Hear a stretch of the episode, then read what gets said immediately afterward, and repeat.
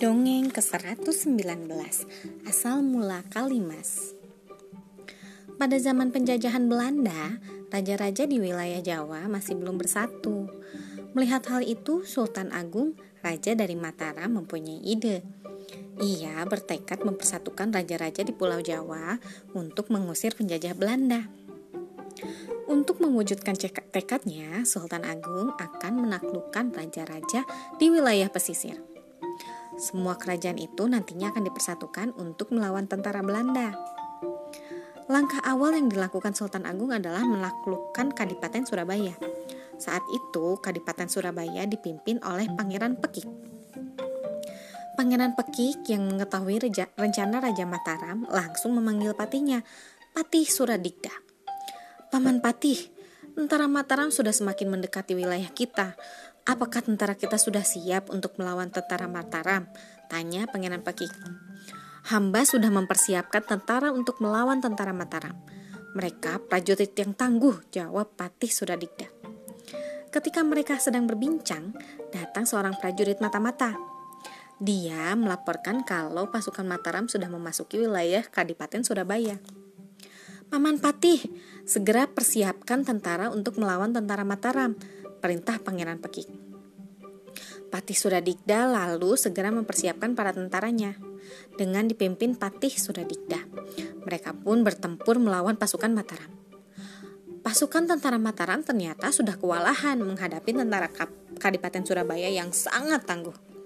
Pertempuran pun berlangsung sengit Akhirnya pertempuran itu pun dimenangkan oleh tentara Kadipaten Surabaya. Sementara itu, pasukan tentara Mataram kembali ke perkemahan. Setibanya di perkemahan, Patih Kirida Negara yang memimpin pasukan Mataram langsung menemui Sultan Agung. Ampun Baginda, ternyata pasukan Kadipaten Surabaya sangat tangguh.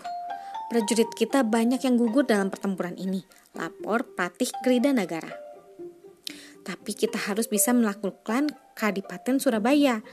Prajurit mereka yang tangguh sangat berguna untuk melawan tentara Belanda, kata Sultan Agung. Kalau begitu kita harus mengubah taktik perang kita Baginda, kata Patih Krida Negara. Bagaimana caranya? Tanya Sultan Agung. Selama ini semua orang di daerah ini selalu mengambil air dari sungai Berantas.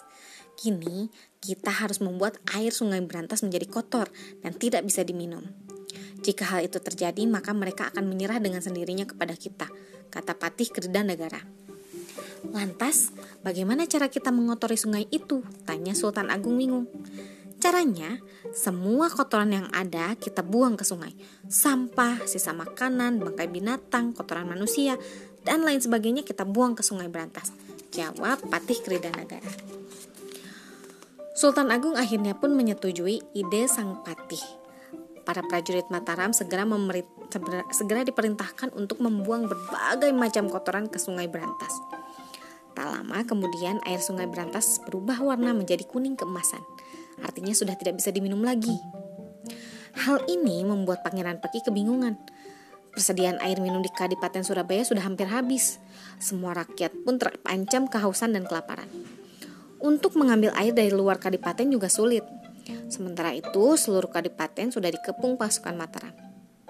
Setelah beberapa hari, akhirnya rakyat Kadipaten Surabaya sudah tidak sanggup dengan keadaan ini. Pangeran Petik pun menyerah dan tunduk pada Sultan Agung. Bersama-sama dengan kerajaan Mataram, mereka akhirnya bersatu untuk mengusir penjajah Belanda. Akhirnya, Sungai Berantas atau Kali Berantas sudah berubah warna menjadi kuning kemasan. Kini, kali itu dikenal dengan nama Kalimas. Sekian, terima kasih telah mendengarkan. Selamat malam.